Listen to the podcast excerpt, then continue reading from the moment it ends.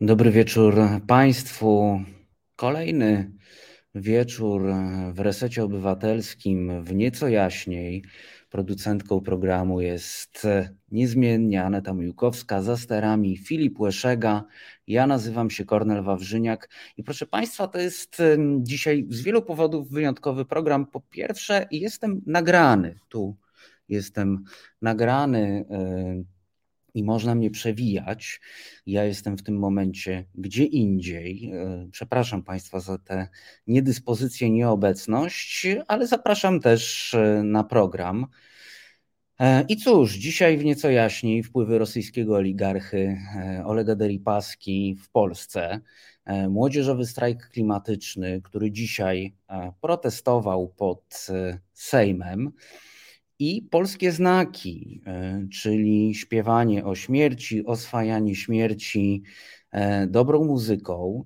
E, I układ jest taki: dziennikarze, po pierwsze, dziennikarze frontstory.pl w ramach międzynarodowego śledztwa dziennikarskiego prześwietlili majątki rosyjskich oligarchów i aż 31 spółek w Polsce zarabia dla Olega Deripaski, uznawanego za osobę z najbliższego kręgu Władimira Putina. O sprawie opowiedzą nam już za chwilę Konrad Szczygieł i Mariusz Sypioło, dziennikarze frontstory.pl. W opisie e, filmu, który teraz e, Państwo oglądacie, są linki do artykułów, fantastycznych artykułów na frontstory.pl.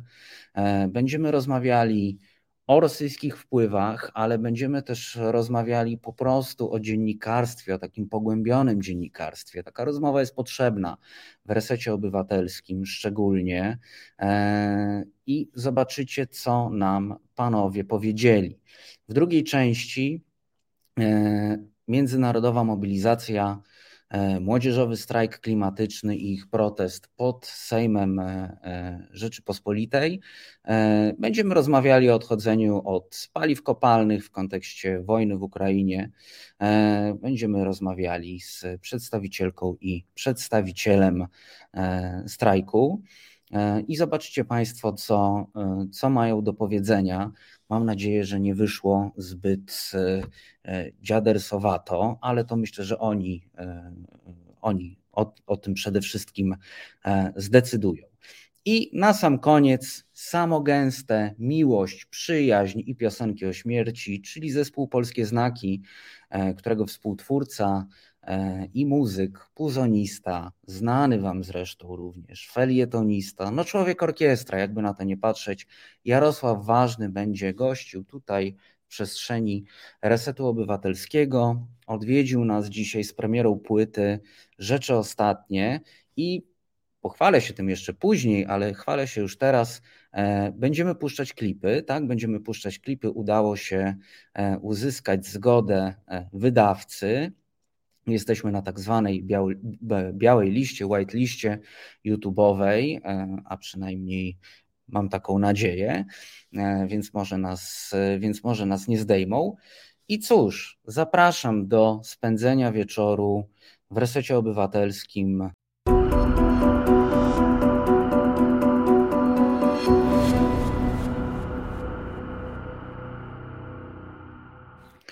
I zgodnie z zapowiedzią teraz e, naszymi gośćmi będą Konrad Szczygieł i Mariusz Sypioło, dziennikarze Front Story, którzy w ramach międzynarodowego śledztwa dziennikarskiego prześwietlili majątki rosyjskich oligarchów. E, proszę Państwa, aż 31 spółek w Polsce zarabia dla oligarchy Olega Deripaski, uznawanego za osobę, za jedną z najbliższych e, osób z kręgu Władimira Putina. I są już z nami e, dziennikarze frontstory.pl. Dobry wieczór, panowie. Dobry, Dobry wieczór. wieczór. Panowie, na początku no, chciałbym Wam e, gorąco i serdecznie pogratulować materiału o wpływach Deripaski w Polsce. E, i nie tylko. I tak jak już Wam wspominałem, e, zanim się spotkaliśmy tutaj na wizji, czyta się to naprawdę e, wszystko z wypiekami na twarzy, z zapartym tchem. I muszę Wam powiedzieć, że to, co uważam za niesamowitą wartość, to to, że Wasze śledztwo doskonale pokazuje, myślę, że od tego powinniśmy zacząć, że sankcje w stylu nie kupuję produktów z rosyjskim kodem kreskowym, to zdecydowanie za mało. Mm, też e, no mam tutaj na myśli działania rządu, tak? czyli to zapowiadanie, że ok, nałożymy sankcje. I Premier zapowiada takie sankcje, jednak wasze śledztwo pokazało, że deklaracje swoje, a realne działania są, powinny być zlokalizowane zupełnie, zupełnie gdzie indziej. Tak, to prawda. Yy, to prawda, tylko ta materia jest na tyle skomplikowana, yy, że mm, ja yy, rozmawiałem to, przygotowując ten materiał z, z wieloma ekspertami, którzy zajmują się czy to przestępczością gospodarczą, czy w ogóle prawem spółek i tak dalej, to e, prawda jest taka, że sankcje, które nakłada, mm, akurat w przypadku Olega Deripaski, e, tych sankcji unijnych jeszcze nie ma. Mamy do czynienia z sankcjami, które nałożyła Wielka Brytania. Mhm. To też jest ciekawy wątek dotyczący tego, dlaczego Oleg Deripaska zniknął w ostatnim momencie z, z list sankcyjnych unijnych. Pisali o tym niemieccy dziennikarze ale to, to jest y, zupełnie inny wątek i didaskalia, ale y, zmierzam do tego, że mm, tak, sankcje to jedno, ale y, sankcje nie mają czegoś, co prawnicy nazywają przepisami wykonawczymi, to znaczy nikt nie powiedział, w jaki sposób konkretnie mamy podejść do tego, żeby mm, uprzykrzyć życie, żeby zająć majątek takiego, takiego oligarchy. E, I to, o czym wiedzieliśmy, no bo mm, oligarchowie rosyjscy są, na, e, są w Europie nie od dziś, tak? E, nie od dziś wiemy, że mają tutaj ulokowane swoje majątki bezpośrednio w postaci takiej, że po prostu mają domy, jachty, posiadłości, luksusowe dobra, ale też mają mnóstwo aktywów w postaci udziałów w spółkach, w postaci takich matrioszek, które e, e, tworzą taką sieć e, powiązań biznesowych, za którymi oni się kryją. I to jest bardzo trudne, żeby jedno do, dotrzeć do tego, kto rzeczywiście stoi za daną spółką na samym końcu, a drugie, żeby wyegzekwować, nie wiem, czy to wobec tej spółki, czy też bezpośrednio wobec tej osoby, tak? No bo to ona jest beneficjentem rzeczywistym danego biznesu, tak jak w przypadku Olega Deripaski e, jest ze Sztrabagiem, e, żeby wyegzekwować to, żeby w jakiś sposób, nie wiem, uniemożliwić mu zarabianie na tym, tak? Bo też trzeba pamiętać, że jak prześledzi się, to my mieliśmy, e, to, to, to, nie była, to nie była łatwa sprawa, żeby po prostu zajrzeć w rejestr i znaleźć tam Olega Deripaskę, bo to, co tam znaleźliśmy, to jedno, a drugie to zrozumieć i rzeczywiście jakoś tak wgryźć się w to, co to właściwie oznacza, że ktoś jest beneficjentem rzeczywistym, tak? Zwłaszcza jeśli e, mamy jakiś łańcuch spółek, które od deripaski do spółki zależnej Sztrabagu prowadzą, tak? To bardzo często jest pięć kroków. Te pięć kroków powoduje to, że nie możemy, że bardzo trudno jest oszacować też na pewno do tego trzeba by wynająć pewnie jakąś wyspecjalizowaną firmę audytorską, która prześledziłaby sprawozdania wszystkich tych spółek. I na końcu by powiedziała, że tak, że jak idziemy do hotelu Polonia w Warszawie, do którego należy, e, który zarządzany jest przez e, spółkę, w której udziały ma pośrednio Strabag, to że rzeczywiście jak płacimy to 100 euro za nocleg w tym, w tym hotelu, to 50 centów trafia do, do. Nie możemy tego powiedzieć ze stuprocentową pewnością, ale no taki jest sens bycia beneficjentem rzeczywistym bycia, wylokowania swojego, swoich, e, swojego majątku e, w spółkach. Tak? No, ten, ten, te, te pieniądze, które oligarchowie lokują w Europie, mają na nich pracować. I pracują między innymi w ten sposób. E, w przypadku, e, jak rozmawialiśmy z ekspertami, to w przypadku tych 100 euro, którymi się posługujemy też w tekście tym przykładem, e, no możemy podejrzewać, że 50 centów albo nawet i mniej trafia do, do takiego e, Olega Deripaski. W tym momencie nie trafia w ogóle, ponieważ Strabak e, zamroził dywidendy dla, dla spółki kontrolowanej przez, przez Deripaskę. Ale przez lata tak się działo, że, że czy to zyski z hotelu Polonia, czy to zyski spółek, które budują w Polsce autostrady, dworce i, i, i wznoszą wieżowce, gdzieś na końcu trafiały do, no właśnie, w jakiejś części do, do Olega Deripaski. Oczywiście wojna w Ukrainie zmieniła zupełnie nasze postrzeganie e, tego, jak patrzeć na rosyjski biznes, jak patrzeć na rosyjskie pieniądze w Europie. E, przez wiele lat e, Europa nie potrafiła się obejść bez tego kapitału, nie przeszkadzała, zachęcała do tego, żeby go tutaj lokować, no bo ten, ten, ten kapitał, te pieniądze były siłą napędową też tego biznesu, ale w tym momencie E, myślę, że takie materiały jak nasz i w ogóle śledztwo OCCRP, no, Międzynarodowego Kolektywu Dziennikarzy Śledczych, jakby bardzo mocno wydaje mi się przyczyni się do takiej solidnej dyskusji i przewartościowania trochę myślenia o, no właśnie, o, o tym, kogo dopuszczamy na, na europejski rynek, na polski rynek, no bo mm, też Prawda jest taka, że jak przyglądaliśmy się polskiemu rynkowi, to tego bezpośrednio lokowanego kapitału e, nie znaleźliśmy. To nie znaczy, że go nie ma, bo może go przeoczyliśmy, także liczymy cały czas na sygnały od, e, od państwa, jeżeli coś, e, jeżeli coś państwu wpadnie w oko. Mm, ale no właśnie, no, mamy tutaj do czynienia z takim niebezpośrednim lokowaniem kapitału. Nie jest to mm, takie jednoznaczne, Mm, aczkolwiek myślę, że, że tak, że wymaga jakiegoś konkretnego działania e, rządu, żeby się nad tym pochylić, żeby po prostu, nie wiem, no Stany Zjednoczone powołały taką e, grupę e, task force do przeszukiwania aktywów rosyjskich razem z kilkoma innymi krajami, z Kanadą, z Japonią. Tam po prostu został powołany zespół, który 24 godziny na dobę podejrzewam, E, przetrzepuje wszystkie rejestry i szuka rosyjskiego kapitału, który można zamrozić. My w tym momencie wiemy, że 140 milionów zostało zamrożonych na kontach w mhm. Polsce. Ale do kogo należą te konta? No już tego nie dowiadujemy się. E, to zostaje Generalny Inspektorat Informacji Finansowej, zasłania się tajemnicą e, bankową. Więc, więc tak, no, coś się dzieje, nie wiemy co konkretnie.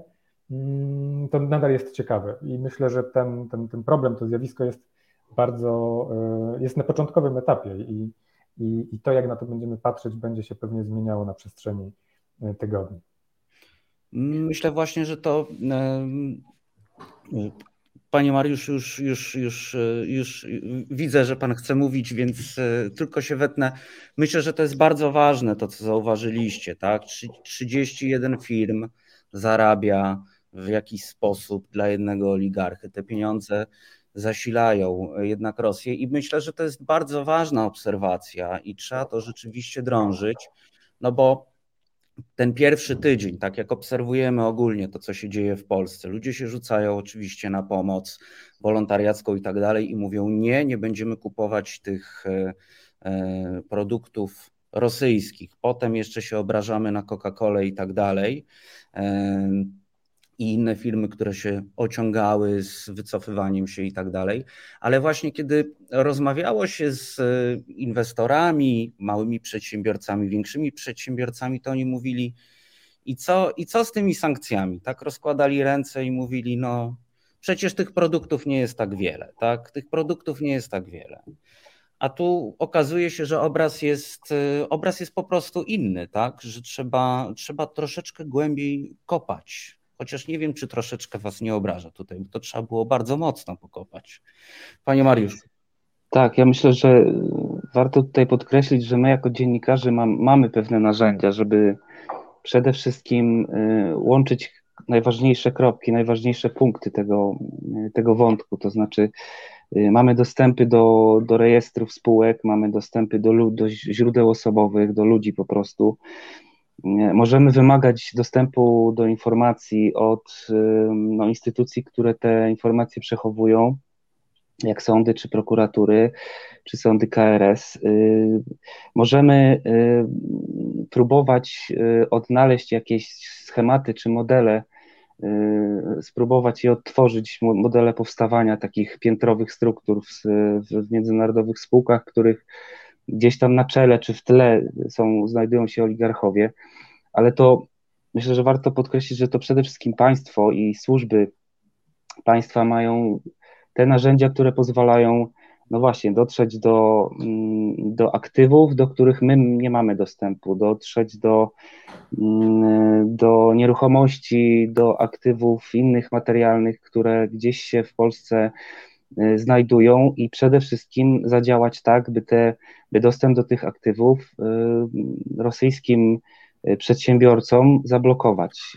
Tak jak to zrobiła Litwa chociażby w przypadku mm, koncernu nawozowego Fosagro, które tam e, na Litwie działało e, pod nazwą Fosagro Baltic, e, państwo litewskie po prostu zamroziło mm, dostęp do kont związanych z firmą Fosagro i z ludźmi, którzy, którzy na Litwie mm, prowadzili ten, ten biznes.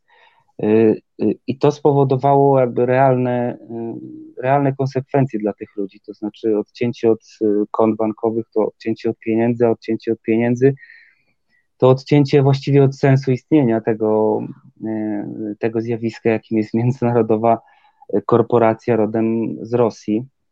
Więc to państwo i państwowe służby mają przede wszystkim narzędzia, żeby, żeby wkroczyć w ten temat i zacząć działać. My, jako dziennikarze, możemy i powinniśmy, i to staramy się robić w naszym międzynarodowym projekcie y, OCCRP, żeby Państwu trochę podpowiadać, trochę szturchać łokciem i mówić: y, Zobaczcie, panowie, że tutaj mamy takie, takie wpływy, że one istnieją od wielu lat, że one są bardzo wymierne w postaci wielu, wielomilionowych zysków corocznie Y, że one prawdopodobnie jakoś się musiały tutaj ulokować y, i, i, to, i to ulokowanie również się musiało się odbywać w jakimś określonym kontekście. Ktoś musiał na to po prostu y, pozwolić, albo przynajmniej pozwolić, pozwolić próbować lokować te, te aktywa w Polsce. Nikt się temu nie przyglądał z jakiegoś powodu, więc jeszcze raz podkreślę, że, że my jako dziennikarze możemy dawać sygnał, dziennikarze, ale też obywatele, to, to się wiąże z naszym apelem, żeby, żeby każdy trop y, przysyłać, podpowiadać nam y, do sprawdzenia, y, ale to państwo powinno tutaj być taką egzekutywą, która, która wkracza i działa.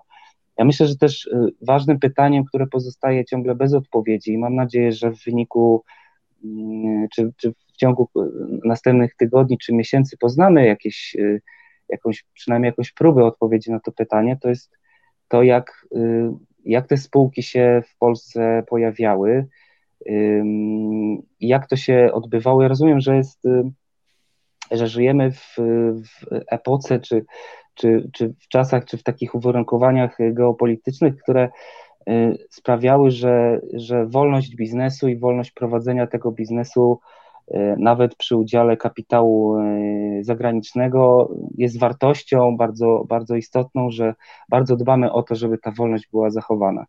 Ale przypomnę, że był to kapitał związany bardzo ściśle z, ze światem, z, tą, z tym kręgiem kulturowym, z którym dzisiaj się spotykamy w Ukrainie w, na froncie wojennym. To znaczy, dzisiaj widzimy absolutnie to zło, które jest odarte z jakichkolwiek złudzeń, wiemy, kto jest naszym wrogiem, ale już 15 lat temu czy 10 lat temu, kiedy y, Władimir Putin y, obejmował po raz drugi rządy, czy, czy, czy po raz trzeci po, po tym okresie, w którym był premierem, y, milczeliśmy na ten temat. A to właśnie wtedy pojawiały się u nas takie spółki jak Fosagro chociażby, którym ja się, zajmą, którą ja się zajmowałem przy, przy okazji ostatniego mm, tekstu, więc powinni, powinniśmy sobie wszyscy zadać pytanie jako dziennikarze, obywatele, ale przede wszystkim y, jako, y, y, jako politycy i rządzący powinni sobie zadać pytanie, czy wykształciliśmy takie mechanizmy i takie, mm, takie modele działania, które jakby pozwoliłyby nam patrzeć na, na, na te brudne ręce rosyjskich oligarchów, którzy którzy lata temu się tutaj pojawiali i mieli całkowitą swobodę działania, mimo że znaliśmy ich nazwiska, znaliśmy ich powiązania i, i znaliśmy intencje tego, który jest w tym momencie dla nich jakby gwarantem istnienia, a jednocześnie problemem, czyli, czyli prezydenta Rosji Władimira Putina. Wróćmy może na chwilę, e, a właściwie powiedzmy o samej e, spółce Strabag, e, która zresztą twierdzi, że jest austriacka. Widzę tutaj pewną analogię do sieci stacji AMIK, które wcześniej nazywały się Łukoil y, i były rosyjskie. Nasz dziennikarz y, Resetu Obywatelskiego Tomasz Piątek pokazywał, że spółka, mimo iż y, jest austriacka, robiła przed przejęciem przez Łukoil interesy właściwie tylko z nimi.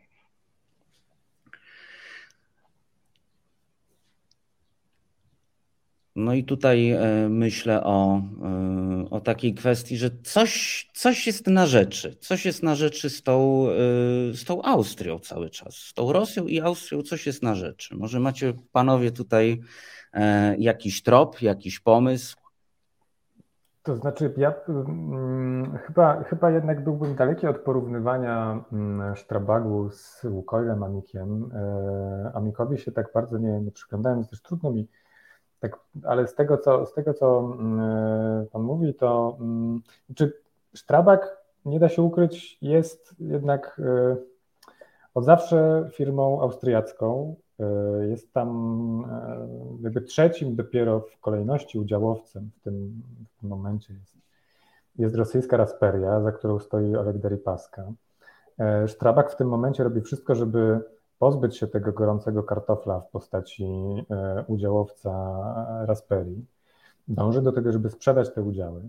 Oczywiście, i tutaj nawiążę do tego, o czym, o czym mówił Mariusz, to znaczy e, no, przez lata był fakt tego, że udziałowcem takiej, e, takiej spółki ważnej, istotnej, ogromnej, no, w Polsce jest to drugi pod względem wielkości wykonawca zamówień publicznych.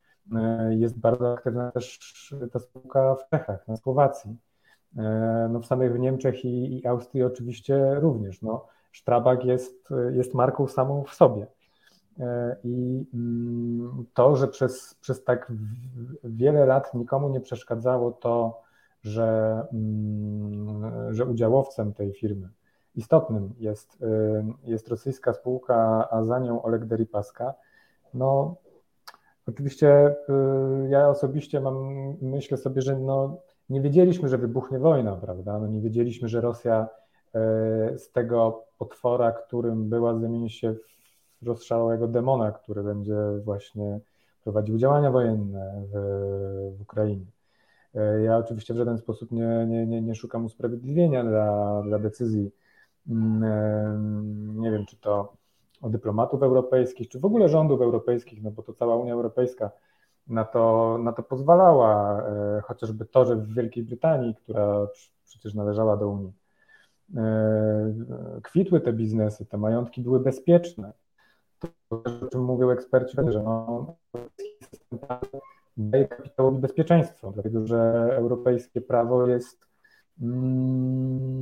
jest na wysokim poziomie. E, tutaj ten kapitał nie ma się czego obawiać. Tutaj e, on jest zabezpieczony. Dlatego tak chętnie tutaj Rosjanie lokowali swoje biznesy, też dlatego, że tutaj po prostu mogli osiągać przez lata wielkie zyski. I to, w jaki sposób teraz oni są splecieni e, z, z, z, europejskim, z europejską gospodarką, to jest wielkie wyzwanie, wielka trudność, żeby te sieci nici powiązań e, przerwać, bo na pewno to nie będzie bezbolesne.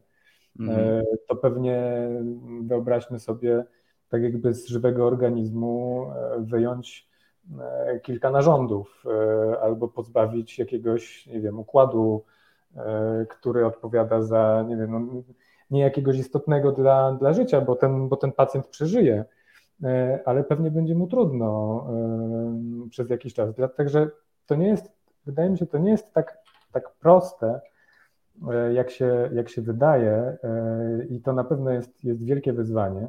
My oczywiście pokazujemy jako dziennikarze miejsca, gdzie warto szukać, tak? gdzie na pierwszy rzut, na pierwszy rzut oka coś z rosyjskim kapitałem, udziałem jest. Jeśli grzebnąć trochę mocniej, to, to okazuje się, że jest i to bardzo. E, ale mm, no cóż, no, nie, nie znam odpowiedzi na pytanie, dlaczego akurat w Austrii, w Strabagu e, ulokował swoje, swoje pieniądze e, Oleg Deripaska.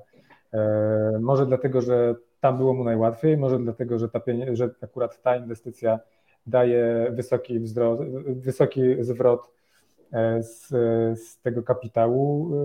Trudno powiedzieć. No, E, no, faktem jest, że to się działo, tak? To się działo przez lata i to, i to powiązanie traktowaliśmy e, Rosję jak zwykłego. E, w polityce może oczywiście nie. W polityce ten partner był traktowany zawsze jednak z takim dystansem, prawda? Natomiast w biznesie tego partnera traktowało się jak każdego innego. No, business as usual i z nimi. E, więc e, tutaj te, te, te pieniądze nigdy nie śmierdziały. E, teraz zaczęły i, i, co, z nimi, co z nimi zrobić? Na szczęście nie jestem politykiem i nie muszę znaleźć odpowiedzi na te, na, na te pytania. Tutaj gdzieś nasza rola się kończy na, na te, tego, jak to wygląda i, i, i gdzie warto szukać, i, i pokazywaniu, że rzeczywiście nie jest to takie, nie jest to takie proste, ale ale to zjawisko jest, tak? No, to zjawisko, zjawisko istnieje. Nawet w Polsce, która wydawałoby się, że dla, dla rosyjskiego kapitału, dla, dla rosyjskich oligarchów nie jest być może najbardziej ciekawym, dobrym miejscem, w którym można lokować e, swoje pieniądze. Jest dużo, dużo, dużo innych miejsc w Europie, w których e, można z większym powodzeniem prowadzić biznesy pewnie niż, niż Polska. A myślicie panowie, że w ogóle to tak trochę, trochę, trochę abstrahując od tematu, trochę abstrakcyjne pytanie, ale ono jakby się nasuwa a propos tego, o czym rozmawiamy. Myślicie, że w ogóle jest szansa na, taki, na taką zmianę tego układu sił, że nagle wszyscy mówimy OK, odcinamy się właśnie od tego, co rosyjskie, żeby te pieniądze do Rosji nie szły? Myślicie, że sytuacja w Ukrainie może mieć taki wpływ na taką, na taką zmianę w ogóle w gospodarce europejskiej, światowej? Wierzymy tak w polityków? No ja jestem tutaj w tej kwestii y, dość sceptyczny, ponieważ oprócz tego, że, że zajmujemy się w frontstory.pl y, majątkami rosyjskich oligarchów, to także śledzimy y, dezinformację rosyjską, która jest uprawiana w naszej części świata na skalę masową, w Polsce również. E, no i z tego, mm, z badania tej dezinformacji, z badania tego, jak ona wygląda, przez kogo jest tutaj prowadzona, przy użyciu kogo i jaki ma zasięg, to myślę, że, że, że niestety płyną e, bardzo pesymistyczne wnioski, ponieważ o ile tutaj e, w naszej części Europy, w Polsce, na Litwie, w Czechach, na Słowacji dobrze rozpoznajemy tą dezinformację. To znaczy, y, umiemy ją rozpoznać, umiemy ją wskazać, mamy narzędzia, żeby, żeby, z, nią, żeby z nią walczyć. Ona jest y, w gruncie rzeczy dość y, na szczęście niszowa, ponieważ nie dociera do mainstreamowych mediów, ale na przykład już we Francji czy we Włoszech argument w postaci że no właściwie to e, Władimir Putin mógł zaatakować Ukrainę, ponieważ ona zagrażała bezpieczeństwu Rosji. On się już pojawia w audycjach wieczornych w, w, telewizji, e, jest używany przez czołowych polityków i czołowych publicystów, więc ta dezinformacja rosyjska na zachodzie Europy jest dużo dalej posunięta niż u nas. Y, gdzie, gdzie mamy po prostu bliżej do granicy z Rosją i po prostu chyba lepiej ją, lepiej znamy jej specyfikę. I trochę tak jest chyba, y, oby tak nie było, ale, ale wydaje mi się, że może tak być z, z sankcjami. Dzisiaj y, na stronie internetowej OCCRP pokazujemy, jak jak te sankcje nałożone przez Unię Europejską, Wielką Brytanię, ale też Stany Zjednoczone nie do końca działają i nie do końca są skuteczne w egzekwowaniu, to znaczy nie do końca uniemożliwiają oligarchom y, no, dokonywanie transakcji albo zawiązywanie jakichś y, y, nowych spółek, które umożliwiają na przykład podział udziałów w, w, kolejnych spółkach i budowanie takiej kolejnej sieci, która umożliwia im to, to funkcjonowanie dalej. Y, więc y, to, że na przykład nie, w Polsce nie wybierzemy się do tego czy innego sklepu, żeby zwojkotować y, jakąś markę, czy nie wypijemy jakiegoś napoju, ponieważ on się nie wycofał z Rosji, być może będzie miało to jakiś skutek symboliczny, publicystyczny, ale tutaj są potrzebne mm, e, działania na takim poziomie systemowym, a, a dzisiaj widać, że nie zawsze te sankcje są po prostu skuteczne. No już y, z momentem publikacji tego tekstu o y, nawozowym gigancie rosyjskim, który ma w Polsce wpływy, widzieliśmy, że tam są y, ewidentne ruchy, żeby te aktywa europejskie i polskie również uratować poprzez no, zmiany struktury udziałowej w spółce, która z kolei zarządza polską spółką, więc i to się udaje, to jest y, przeprowadzane i, i, i dzisiaj y, na wschodzie toczy się walka o to, na wschodzie albo gdzieś tam w jakiejś y, wielkiej posiadłości w Londynie toczy się walka o to, by te aktywa ratować, niestety w dużej części skutecznie. A teraz... Tak, to jest taka zabawa w kotka i myszkę, to o czym mówi Mariusz. Ta że teraz y, oczywiście sankcje są y, właśnie, no, czasami ten brak tych, y, tych konkretów, tych, tych przepisów wykonawczych, no, każdy kraj trochę postępuje inaczej, ale też nie zapominajmy, że mamy do czynienia z ludźmi, których stać na to, żeby zapłacić jakiejś kancelarii prawnej, która po prostu specjalizuje się w tym, żeby pomóc temu oligarsze ukryć majątek skutecznie czy to na Cyprze, czy w jakimkolwiek innym raju podatkowym. Mm, są na to sposoby, są na to metody e, i, i, i ta gra gdzieś tutaj pewnie będzie się e, toczyła już w przeszłości, bo sankcje to nie jest przecież nic nowego. Z sankcjami mieliśmy do czynienia agresji Rosji e, na, Krymie, w Donbasie, później przez, nie wiem, no Amerykanie też E, nakładali sankcje na, na osoby, które próbowały wpływać na, na wybory prezydenckie w Stanach, więc e, to nie jest nowy twór. E, pytanie właśnie cały czas, które pewnie powraca, jest takie, czy jak to, i rozumiem, że, że, że to, to ogólne pytanie na początku gdzieś, gdzieś, gdzieś było właśnie też o to, że zastanawiamy się, czy te sankcje, które w tym momencie są nakładane, które powinny być, które miały być takim najskuteczniejszym e, niemilitarnym orężem w tej, w tej wojnie, e, czy one gdzieś e, po prostu nie, nie, nie zostaną cofnięte w momencie, w którym sytuacja się uspokoi. Także wrócimy, że powoli gdzieś będziemy wracać. Nie podejrzewam, że to będzie tak, jak było po 2014 roku, że, że rzeczywiście gdzieś y, ten, ten y, rosyjski biznes właściwie zostanie tknięty y, i, i mógł sobie funkcjonować na takich, na takich zasadach, jak, jak widzieliśmy do tej pory. Ale pytanie będzie, czy Europa będzie w tym konsekwentna, tak? Czy, mhm. czy postawi jednoznaczną tamę i, i, i powie, że już, w rękach. To teraz pytanie, czy, czy właśnie Unia Europejska, czy jej służby, czy, czy Stany Zjednoczone będą miały y, w rękach narzędzia i tak, taki, taką wolę, żeby również te, y, te majątki prześwietlić y, i, i, i skutecznie zadziałać na, na, na, tej, na tej nucie rodzinno-przyjacielsko-towarzyskiej, ponieważ ona jest bardzo silna, jeśli, jeśli nie, nie w ogóle stanowi o, o sile tego systemu putinowskiego, ponieważ tam tam, e, tak jak mi powiedział mój rozmówca, e, były prezes e, spółki założonej przez oligarchę w Polsce,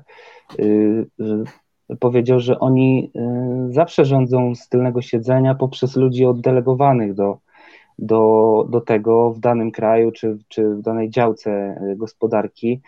To trwa od, od dekad, ponieważ twórca mm, tej nawozowej rosyjskiej potęgi Andrzej Guriew zaczynał swoją karierę w biznesie z, razem z Michałem Chodorkowskim, mm, który z kolei skierował go, że tak powiem, na, na odcinek nawozowy we własnym biznesowym gigancie. I to się tak odbywa mm, od lat. Y, te macki są coraz bardziej liczne i coraz bardziej trudne do, do namierzenia.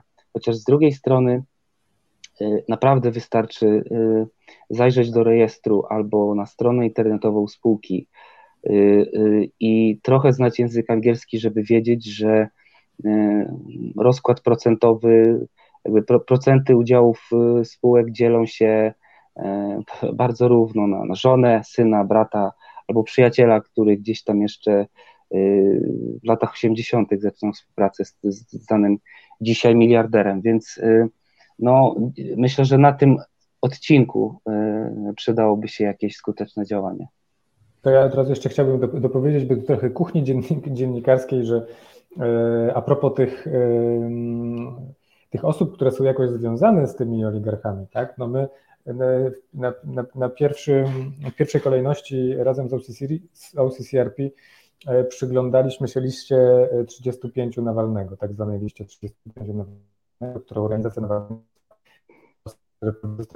objęte sankcjami jako osoby, które były zaangażowane pośrednio, bezpośrednio w jego otrucie i uwięzienie, ale jak e, przyjrzeć się tym 35 osobom, to, to do każdej z nich właśnie są żony, kochanki, e, rodzeństwo, dzieci.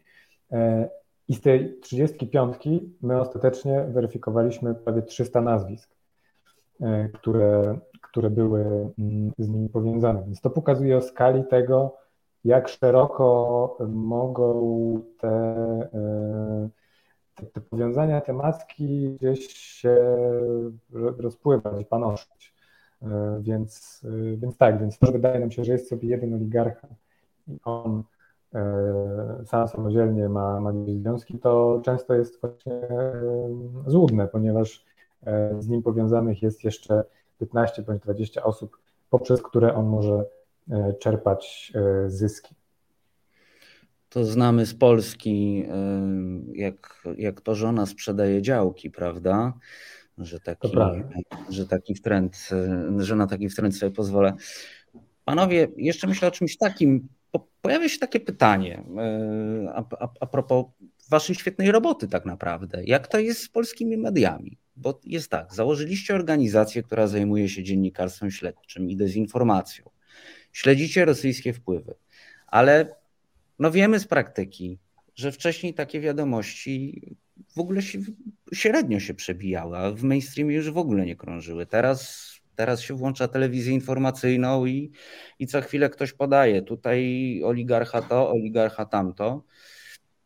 Trochę znam to uczucie, e, jako też e, dziennikarz e, obywatelski w resecie obywatelskim, ale zastanawiam się, Jakie są Wasze odczucia w tym temacie? Czy ludzie się obudzili, media się obudziły, czy to jest po prostu chwilowa moda, bo jest wojna?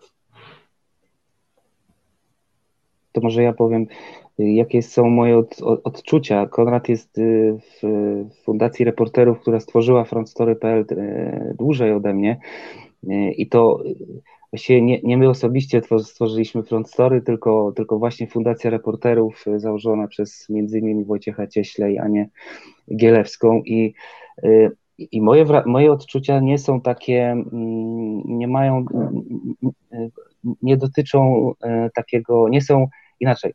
Nie jestem zdziwiony, że tak się dzieje. Po pierwsze, dlatego, że mm, no, żyjemy w takich czasach, w których zapotrzebowanie na dobrą, sprawdzoną informację, konkretną, a jednocześnie podaną w strawny sposób, dobrze się czytającą, podaną również w graficzny, w graficzny sposób, na danych, na konkretnych źródłach, jest moim zdaniem coraz, coraz większa. Im więcej, im więcej będzie dezinformacji i, i szumu informacyjnego wokół nas, tym czytelnik będzie bardziej szukał rzetelnych, sprawdzonych,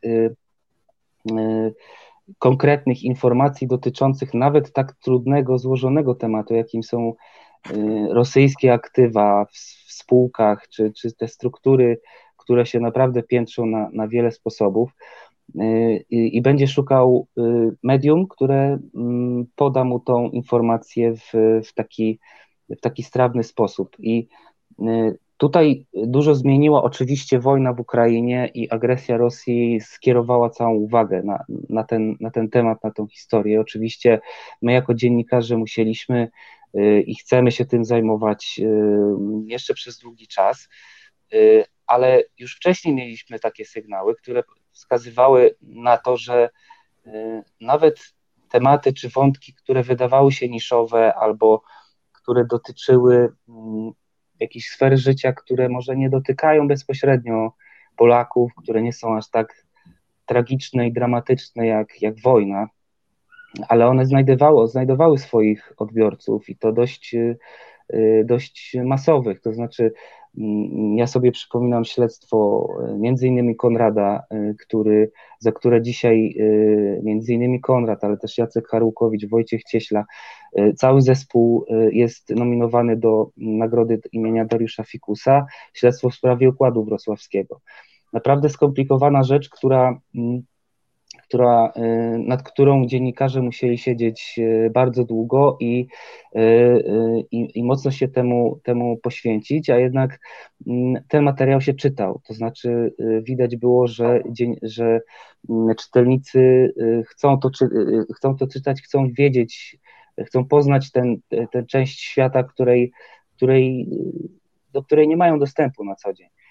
Inny przykład to, to nasz wspólny z Konradem tekst o Robercie Bąkiewiczu, szefie Stowarzyszenia Marsz Niepodległości, no i jakimś chyba liderze w tym momencie środowisk narodowych, który co roku wyprowadza setki, no może dziesiątki, tysiące, tysięcy ludzi na, na ulicę.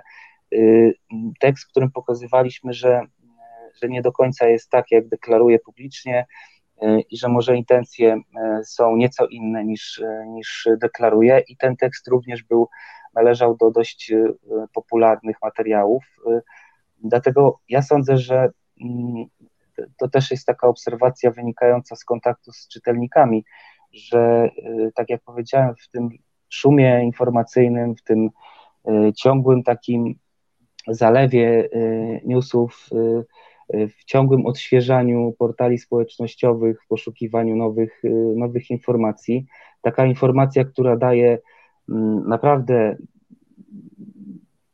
wiele konkretów w 10, 11, 12 tysiącach znaków i w mm, dobrze stworzonej infografice y, z, poparta y, sprawdzonymi źródłami, często z domeny publicznej uzyskanymi, y, myślę, że to, to jest coraz większa wartość, a nie odwrotnie w, ostatnich, w ostatnim czasie. Moja refleksja natomiast, natomiast jest jest taka, że mm, to chyba nie, nie, nie tematy są jakoś pomijane bądź e, wykluczane, bądź dziennikarze mainstreamowi się nimi nie interesują, ale właśnie to, o czym mówił Mariusz, czyli e, sposób, w jaki podchodzimy do, do, do historii do tematów, tak? Czy, czy mm, interesuje nas tylko e, powierzchowne zgłębienie jakiejś, jakiejś sfery, czy też chcemy sięgnąć głębiej. Tak? No my akurat we, we frontstory.pl mamy te, mm, te możliwości, żeby nad tematami pracować długo, dogłębnie, rzetelnie, e, coś, na, na co nie mogą sobie pozwolić portale newsowe, które, które dostarczają e, informacji szybkich i na bieżąco. Oczywiście one mają ogromną wartość, E, bo, bo bez tego nie wiedzielibyśmy, co się, co się dzieje na bieżąco, ale też, też myślę, że są takie, takie tematy i takie obszary, które e, wymagają tego, żeby się nad nimi bardziej pochylić. I jeśli mówimy o, o rosyjskich wpływach, to my w Fundacji Reporterów już od 2016 roku e, temu się przyglądamy. Opublikowaliśmy wiele materiałów, czy to w Polsce we współpracy z mediami mainstreamowymi, czy w naszym międzynarodowym projekcie o nazwie Wisquare, gdzie działamy razem z dziennikarzami z Grupy Wyszehradzkiej. Bo to tutaj też można zaobserwować wzmożoną aktywność przede wszystkim, czy to rosyjskiej dezinformacji, czy rosyjskiego biznesu też E, I, I tam to opisywaliśmy e, przez lata. Historia Usowskiego, historia e, podpalenia w Uszchorodzie, gdzie dzisiaj okazuje się, dzisiaj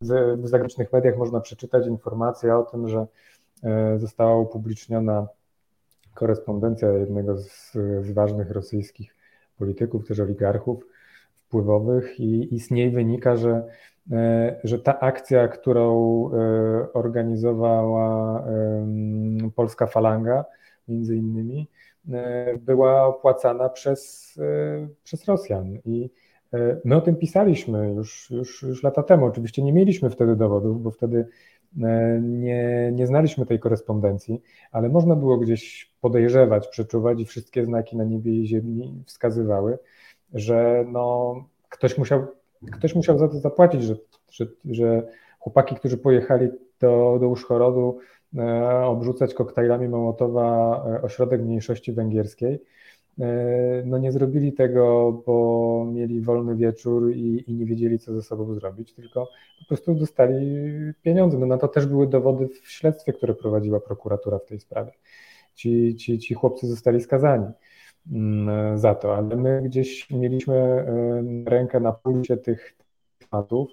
E, no i teraz w momencie, w którym e, uwaga mainstreamu, powiedzmy, jest, jest skoncentrowana na, na Rosji, na tematach związanych z Rosją, na ich wpływach w Polsce, nagle okazuje się, że no, przez lata dziennikarze, którzy byli może trochę bardziej dociekliwi, może mieli możliwości, trochę więcej czasu, na to, żeby, żeby się temu przyglądać i traktowali te sprawy poważnie, e, no to zostało już gdzieś opisane, tak? I, i no oczywiście nadal będziemy to, to opisywać i temu się przyglądać, ponieważ w tym momencie jest to jeden z najistotniejszych tematów dla, dla życia publicznego, ale mm, no właśnie, no, no nie, nie, nie uważam, że to, że to tematy są nieinteresujące i wykluczane, ale właśnie sposób podejścia bo to też o czym mówił Mariusz, no, uwaga odbiorców, yy, bardzo trudno walczyć o uwagę odbiorców, tak? zwłaszcza w zalewie informacji szybkich yy, i tak dalej. No,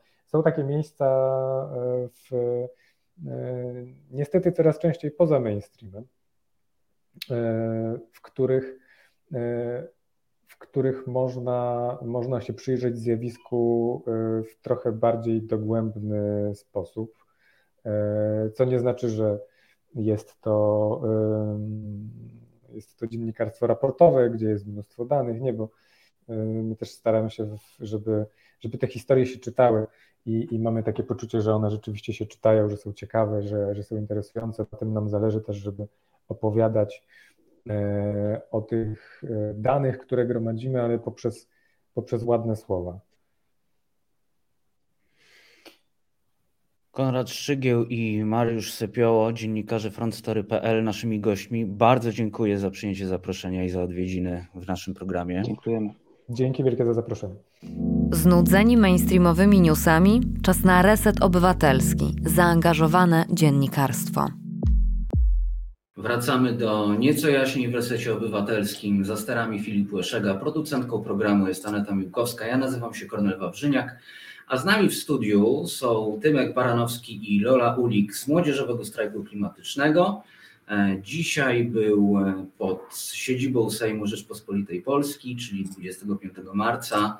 E, kolejny Wasz protest. Witam Was bardzo serdecznie w naszym resetowym studiu. I cóż, światowa mobilizacja ruchów klimatycznych po co dzisiaj się zebraliście pod Sejmem? Tak, światowa mobilizacja przebiegała pod hasłem People Not Profit. W polskim tłumaczeniu to było najpierw ludzie, potem zyski. Chcemy podkreślać, że najważniejsze dla wszystkich polityków, dla naszy, nas jako społeczeństwa powinno być dobro ludzi, dobro grup wykluczonych i tych, które w naszym systemie mają gorzej, ale niestety to się nie sprawdza, bo największą władzę mają politycy, mają korporacje, którzy czerpią zyski polityczne i finansowe z paliw kopalnych i nie chcą od nich odchodzić pomimo wszystkich całego zła, które one powodują. Czyli yy, trzeba wreszcie oddać po prostu ludziom, obywatelkom, obywatelom większą władzę nad klimatem, z tego co rozumiem. Tak. Prosto, tak. Mm, Okej, okay. No, myślę, że tutaj się zgadzamy, wiecie. No, nie, nie, nie, tutaj jest jakby pełna zgoda moja z wami oczywiście. Zresztą ogólnie nie jestem osobą, która by w kwestiach klimatycznych miała, miała zamiar się z wami wykłócać, bo popieramy zresztą myślę, że ogólnie całą redakcję Resetu Obywatelskiego waszą, waszą pracę, waszą mobilizację. Ja zresztą z Młodzieżowym Strajkiem Klimatycznym jeszcze, to naprawdę brzmi ciekawie, ale jeszcze przed pandemią e, chodziłem z waszymi strajkami, e, także no, można powiedzieć, że wiem o co chodzi. I, i jak? E, jak dzisiaj poszło pod Sejmem? Jaki był odbiór? Jaki był odbiór waszych postulatów, tej mobilizacji? Czy przyszło dużo osób? Jak to wyglądało? Osób przyszło w miarę sporo i, i raczej były zadowolone. E, rzeczywiście jakby cieszyły się z tego, że ten protest jest. Um, trochę nie wiem, jak wygląda odbiór tutaj u osób politycznych i rządzących rzeczywiście, e, ale, ale jakby jako odbiór od osób ze społeczeństwa, to wydaje się mi się, że jest jak najbardziej pozytywne i, i osoby nas wspierają. Tak, rzeczywiście pod Sejmem planowaliśmy dzisiaj raczej mniejszą pikietę, może bardziej z udziałem osób z naszego ruchu, ale zjawiło się ponad 100 osób i myślę, że było to bardzo pozytywne doświadczenie. W Warszawie skupialiśmy się trochę konkretniej z naszą narracją. Mówiliśmy przede wszystkim o tym, że oprócz odchodzenia od paliw kopalnych musimy rozwijać w Polsce źródła odnawialnej energii i energetykę wiatrową. Próbowaliśmy wykreować sobie dobry świat, do którego zmierzamy, o który walczymy naszymi protestami. I rzeczywiście emocje były bardzo pozytywne. Było wśród nas dużo tańca i śpiewu, skandowania. I osoby, które do nas przyszły, były bardzo zadowolone. Czyli taki, y, czyli zarażacie też pozytywną energią, czyli to nie tylko jest taki sprzeciw wobec władzy, ale też zaproszenie do wspólnej zabawy. Tak. To jest bardzo duża część naszych protestów w tych wszystkich kryzysach, które się dzieją. No teraz oprócz kryzysu klimatycznego z paliwami kopalnymi bardzo powiązane, je, powiązana jest wojna w Ukrainie. To jest dla nas przytłaczające i kiedy nie wiemy co robić, to dużą, dużym rozluźnieniem jest dla nas taniec i wspólna zabawa na protestach. Właśnie to jest, to jest, to jest też wspólny mianownik. Tak? Putin jest wspólnym mianownikiem, no, z tego co czytam też w waszej e, notce prasowej a propos dzisiejszego protestu. E, piszecie, w ciągu ostatnich 20 lat ponad 700 miliardów zapłaciliśmy i zapłaciłyśmy Putinowi za import paliw kopalnych. No dobra, słuchajcie, no ale jeśli, jeśli nie paliwa kopalne, to co? Bo ja wiem, że i państwo, i wy E, zdajemy sobie wszyscy sprawę tak naprawdę co, ale myślę, że warto, żeby to po prostu wybrzmiało, żebyśmy powiedzieli tutaj w programie nieco jaśniej, e, jak to z tymi e, paliwami kopalnymi jest i jakie mamy alternatywy, jakie alternatywy są najlepsze. Wspominałeś Tymku o fermach wiatrowych, odnawialnych źródłach energii, no to może jeszcze kilka słów więcej. No, w Polsce Źródła odnawialnej energii są traktowane bardzo po macoszemu, chociaż miały swój rozkwit jakieś do 7 lat temu, to od 2015 roku są cały czas zbywane, ich potencjał jest zmniejszany i nie wiem dlaczego politycy boją się ich rozwoju. Ale w 2016 roku do Sejmu trafiła usta ustawa zawierająca zasadę 10 lat. Mhm zgodnie z którą Wiatraki nie mogą być budowane w odległości 10 razy mniejszej niż ich wysokość od budynków, od środowisk, od ośrodków natury. I teraz wiatraki w Polsce są zdecydowanie zablokowane. Ich rozwój nie może się odbywać. No a to energetyka wiatrowa na lądzie jest największym potencjałem energii w Polsce. To słuchajcie, to 10H, czyli e, to czyli właściwie gdzie mogą stać według tej zasady, bo wiemy gdzie nie mogą, no ale dziesięciokrotność ich wysokości to i to jeszcze przy określonych warunkach, czyli tu zabudowania, tutaj tereny natury, to, to właściwie gdzie one mogą stać te wiatraki? Nigdy. Praktycznie nigdzie nie mogą stać. Aha. Są na tyle zablokowane, że są w tak małej ilości miejsc, że jeżeli widzimy jakikolwiek wiatrak, to jest rzadkość i patrząc na wiatraki czujemy, że jakby jest dla nich przyszłość, tyle że są zablokowane. E, bo tu właśnie Tymek wspominał 2015-16 e, rok. Przypomina mi się, że to OZE właśnie, szczególnie jeśli chodzi o fermy wiatrowe, gdzieś wtedy od dwóch, powiedzmy trzech lat było dyskutowane, te fermy zaczynały powstawać wtedy z wiatrakami i nagle pyk, zaczynamy słyszeć w mediach, Państwo dobrze wiedzą o co chodzi, pamiętacie kto wtedy doszedł do władzy i to niby z przypadku o tym wspominam. Właśnie wtedy zacząłem słyszeć w radiu, w telewizji ludzi, którym te wiatraki świszczą e, nad głową, bo mieszkają niedaleko i tak dalej. E, no i właśnie, to wszystko, to wszystko wyhamowało. To wszystko wyhamowało z zupełnie nie, jakby niezrozumiałych, niezrozumiałych przyczyn. I znowu tutaj, e, znowu tutaj wracamy do bardzo brzydkiego słowa. Przepraszam Państwa i przepraszam Was. Wracamy do Putina, tak? Wracamy do Putina, od którego jesteśmy w tym momencie zależni. I Pojawia się w mojej głowie takie pytanie, zadawałem je już dzisiaj w programie moim, moim pierwszym gościom, e, w trochę innym kontekście, ale czy mamy jakieś takie widoki? Wiecie, chodzi o to z Waszej perspektywy. Nie pytam o jakieś takie mm, perspektywy specjalistyczne, tylko o Wasze odczucia. Eee, mieliśmy coś takiego jak bojkot konsumencki. Chcę, żebyście zrozumieli e, mój tok, mój tok rozumowania. Mieliśmy coś takiego jak bojkot konsumencki. Ludzie zaczęli, przestali kupować pewne produkty. Zaczęli patrzeć na te kody kreskowe. No i zastanawiam się, czy taka zmiana również może zajść, przez to brzydkie słowo Putin, czy ta zmiana może zajść też w podejściu właśnie do energetyki, że ludzie zaczną się domagać, że nie chcemy być już zależni.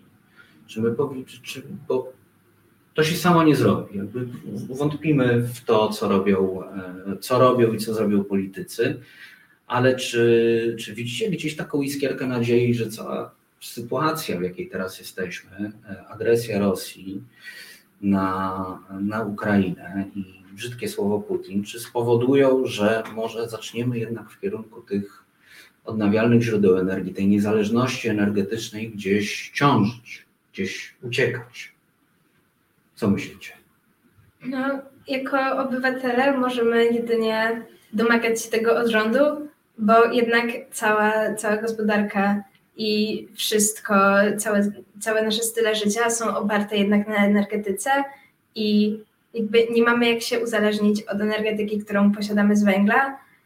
I jedyną tutaj rzeczą, je, którą możemy zrobić, jest wywieranie presji na osoby rządzące, żeby zaprzestać kupowania węgla i innych paliw kopalnych właśnie z Rosji i zaczęcie rozbudowywania właśnie energetyki e, i odnawialnych źródeł energii, które, które naprawdę w tym pomagają. No dobrze, a co możemy zrobić teraz? Bo wiem, że macie, macie propozycje, tak? Macie propozycje, które postulujecie, więc e, co możemy zrobić? Coś z tym 10H. Zakładam, że chodzi o, o jakąś nowelizację wokół 10H. Tak. No, najważniejszą funkcję mają teraz politycy i polityczki. I my największą okazję, największe pole do popisu widzimy dla Anny Moskwy, która tydzień temu, nie tydzień temu, ale która w ostatnim czasie złożyła do konsultacji społecznych projekt nowelizacji nie tylko ustawy 10H, ale wielu ustaw o OZE. I właśnie chciałaby postulować o rozwój odnawialnych źródeł energii, farm wiatrowych na, mor na morzu. Mhm. Ale to nie jest tak, że rozwija wszystko, bo energetyka, energetyka wiatrowa na lądzie znowu jest pomijana i znowu nie ma tam wątków o nowelizacji tej ustawy 10H. I nie mamy pojęcia skąd się to bierze, skąd jest ta niechęć do wiatraków na lądzie, jeśli to one mogą nas uratować. I teraz chcemy właśnie, żeby Anna Moskwa już po konsultacjach społecznych, które skończyły się tydzień temu, wprowadziła do tego projektu poprawki, które mogłyby pomóc wiatrakom na lądzie. Słuchajcie, to teraz tak trochę pod włos. E, a co, a co wy w ogóle myślicie o atomie, o energii jądrowej? Tak, jako ruch na pewno wspieramy rozwój atomu, wspieramy inwestowanie w niego mhm. i myślimy, że jest jednym z wielu źródeł energii, które mogą nam pomóc w transformacji energetycznej. Czyli go nie wykluczacie? Nie. Nie mogę wypowiedzieć się na to, jak powinien wyglądać atom w Polsce, bo to już jest temat bardzo ekspercki, to jak powinna wyglądać nasza transformacja energetyczna. Ale atom jest jednym z wielu rozwiązań pozytywnych dla klimatu i społeczności, które na pewno powinniśmy brać pod uwagę. Co myślisz, Lola? Myślę dokładnie tak samo.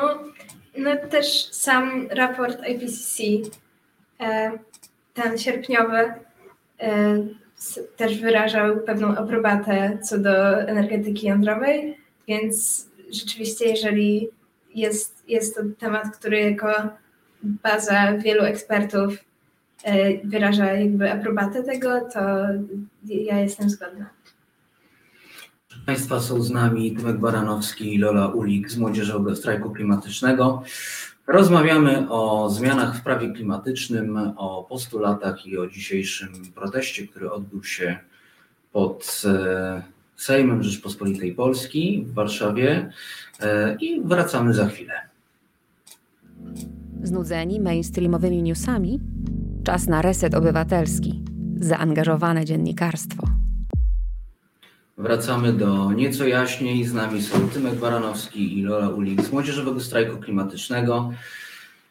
I cóż, dzisiaj protest pod Sejmem. Mówiliście dziś o śnie o przyszłości. To jaki jest ten sen? Jest to sen, w którym, w którym energetyka wiatrowa nie jest zablokowana, w którym cała energia jest z odnawialnych źródeł, gdzie rzeczywiście ta nasza przyszłość istnieje i możemy, możemy spokojnie żyć bez obawy o to, że kiedyś będziemy musieli na przykład walczyć o wodę albo, albo nie będziemy mogli żyć w miejscu, w którym się urodziliśmy i będziemy musieli migrować przez to, że klimat i jego skutki będą dla nas zabójcze. Jest to sen, który jest po prostu piękny i w którym możemy żyć beztrosko. Tak. W naszym śnie żyjemy po prostu w bezpiecznym świecie. W świecie z silnymi społecznościami, z zielonymi miastami, gdzie ulicami nie pędzą samochody, a można po prostu przejść, nie bojąc się o swoje życie. Gdzie powietrze jest czyste. Idąc Warszawą możemy spojrzeć w gwiazdy, a jadąc przez Polskę pociągami oglądamy na polach wiatraki tnące niebo. To rzeczywiście, wybaczcie, ale, ale sen. Ładny, ale, ale sen. Więc co możemy zrobić? Jaką możemy zaproponować strategię, żeby zacząć zbliżać ten sen do rzeczywistości? Przede wszystkim osoby polityczne muszą jak najszybciej podjąć decyzję odejścia od paliw kopalnych i opracować plany na to. W tym momencie najważniejszą rzeczą, którą muszą zawrzeć w planie, jest rozwój energetyki odnawialnej, która w Polsce jest zablokowana. I największy potencjał na odblokowanie jej ma Anna Moskwa.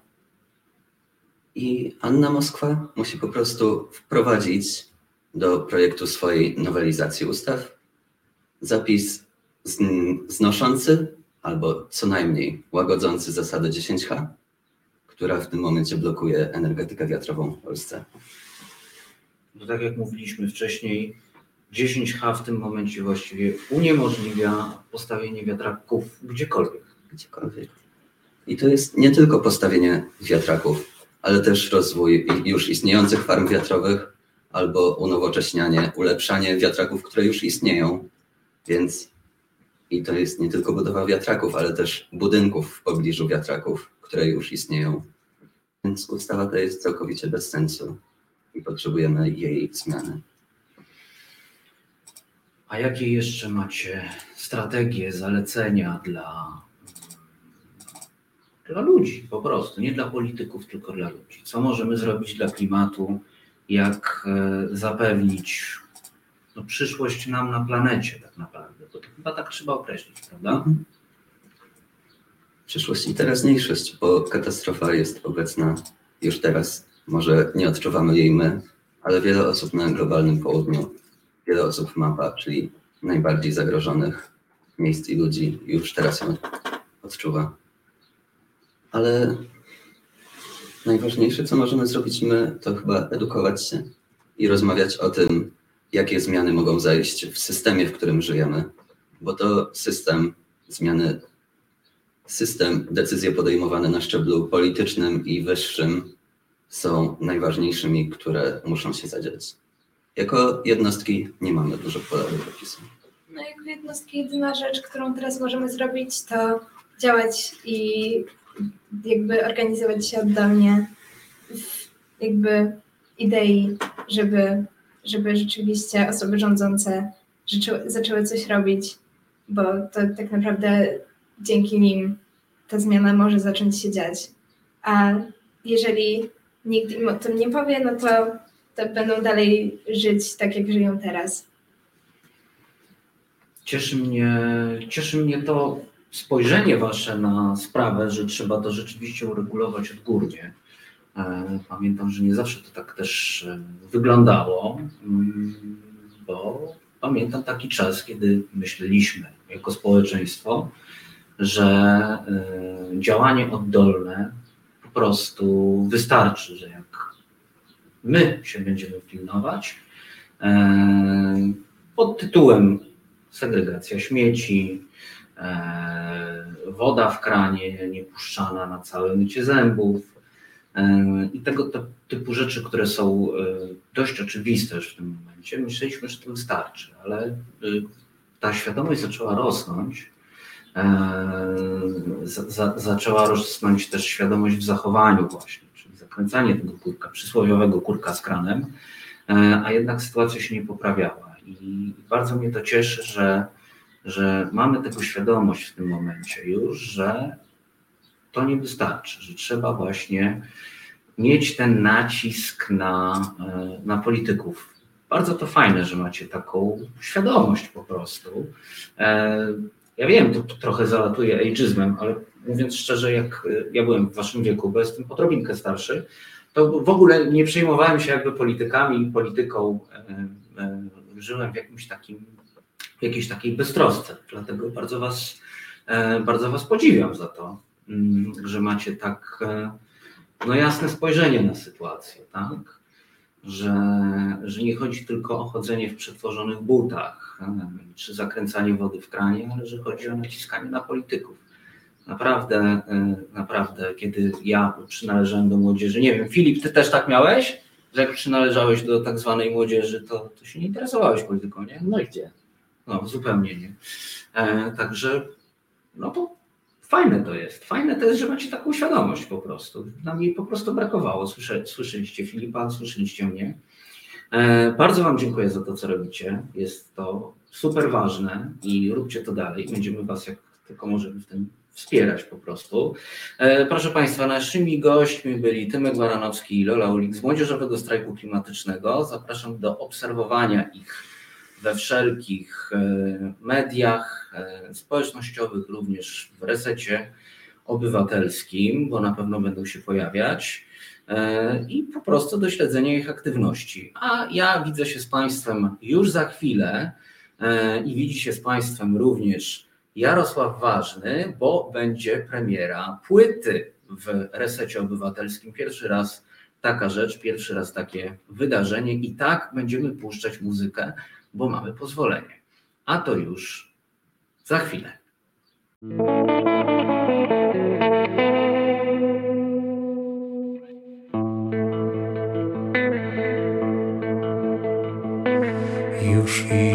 Do grobu smutnego, ciemnego, gdzie będę przebywać aż do dnia sądnego. Gdzie możni królowie kości swe składają, książęta panowie w proch się obracają.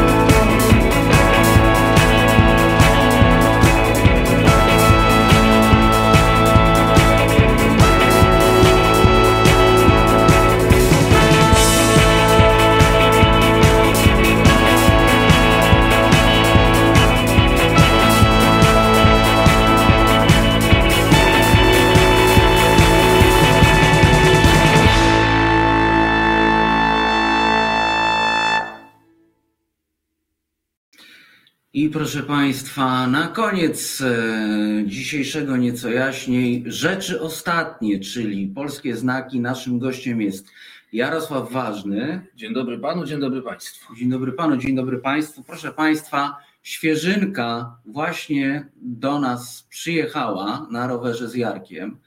Myślałem, że świeżynka to o mnie, ale to nie. Nie, słuchaj. Ma się swoje lata. Ale starzejesz się jak wino. Daj Boże, i skrzypce. Także proszę Państwa, to tak jeszcze do kamery podjeżdżamy. Polskie znaki, e, rzeczy ostatnie, nowisieńka płyta. Dzisiaj jest premiera, proszę Państwa, dlatego to już najświeżej jak się da po prostu. E, I cóż, Radek Łukasiewicz, e, Jarek Ważny i Janusz Zdunek e, to, jest, to są polskie znaki, czyli Między ty innymi. i twoi Między koledzy, innymi. ale między innymi właśnie, opowiedz, opowiedz dlaczego między innymi, bo to jest bardzo wyjątkowa płyta. Myślę, że to jest bardzo ciekawe w ogóle, w, ogóle w, w polskiej muzyce, że płyta premierowa zespołu ukazuje się właśnie w takiej formie, ale powiedz w jakiej. Ym, Szanowni Państwo, miły Kornelu, rzeczywiście rzecz jest e, wyjątkowa o tyle, że chodziła za nami i za mną już prawie że dekadę i w końcu się zmate- zmaterializowała. Ten powód był e, długi, ciąża przenoszona, ale wreszcie jest. Polskie znaki to jak na obrazku można zobaczyć nasz triumvirat, czyli Radosław, ja i Janusz Zdunek, bo stąd e, pomysł wyszedł i myśmy tym wszystkim, co tu króć dowodzili. Natomiast idea była taka, żeby e, pokazać, nie tyle nawet odświeżyć, co pokazać, bo mm, mam wrażenie, że wielu ludzi w ogóle nie ma świadomości, zwłaszcza młodych, że coś takiego jak polska pieśń ludowa, pogrzebowa i pieśni pogrzebowe istniały. Raczej istnieje w mm, głowach e, ludzi młodych w tym kraju Santa Muerte i wszystkie odmany Halloween, e, które się wiążą ze śmiercią, z odchodzeniem i z obrządkiem. Natomiast to, co Słowiańszczyzna i e, polska ziemia wydała, to jest zupełnie jakiś nie- nieznany falochron, na którym się nie wspina. A to nic bardziej mylnego. E, W związku z tym, żeby mówić do ludzi, e, zwłaszcza młodych, bo ta taka e, praca u podstaw nam towarzyszyła, że to ma być jednak do nich skierowane, a nie cepeliowe i w naszym roczniku zanurzone, postanowiliśmy, że 10 tych pieśni, które na tę płytę weszły, będą śpiewane przez 10 głosów, z których większość jednak ma być czytelna i zrozumiała właśnie dla młodego odbiorcy i stąd takie, a nie inne personalne wybory, czyli Sanach, czyli Michał Szpak, e, czyli Vito Bambino, E, to przynajmniej ta trójka, Matylda Damięcka, e, też się jednak w ten kanon trochę wpisuje chociaż, ponieważ gdybyśmy to zrobili my siłami naszych kolegów, których może bardziej znamy i lepiej by było z nimi kontakt i szybciej nawiązać, to jednak mam wrażenie, że bylibyśmy trochę niewiarygodni. Bo jak czytać e, po młodzieżowemu, to niech ten młodzieżowy głos przemówi i pokaże, że też umie. Nie tylko pop, e, nie tylko takie ckliwe melodie i piosenki, przy całym szacunku oczywiście, ale w popie to akurat uchodzi. Natomiast e, niech pokaże i pokazuje, że umie i potrafi się zmierzyć z czymś gatunkowo cięższym, nie wiem czy muzycznie trudniejszym, bo to jednak ludowa muzyka, ona, no umówmy się, nie jest e, wirtuozerska.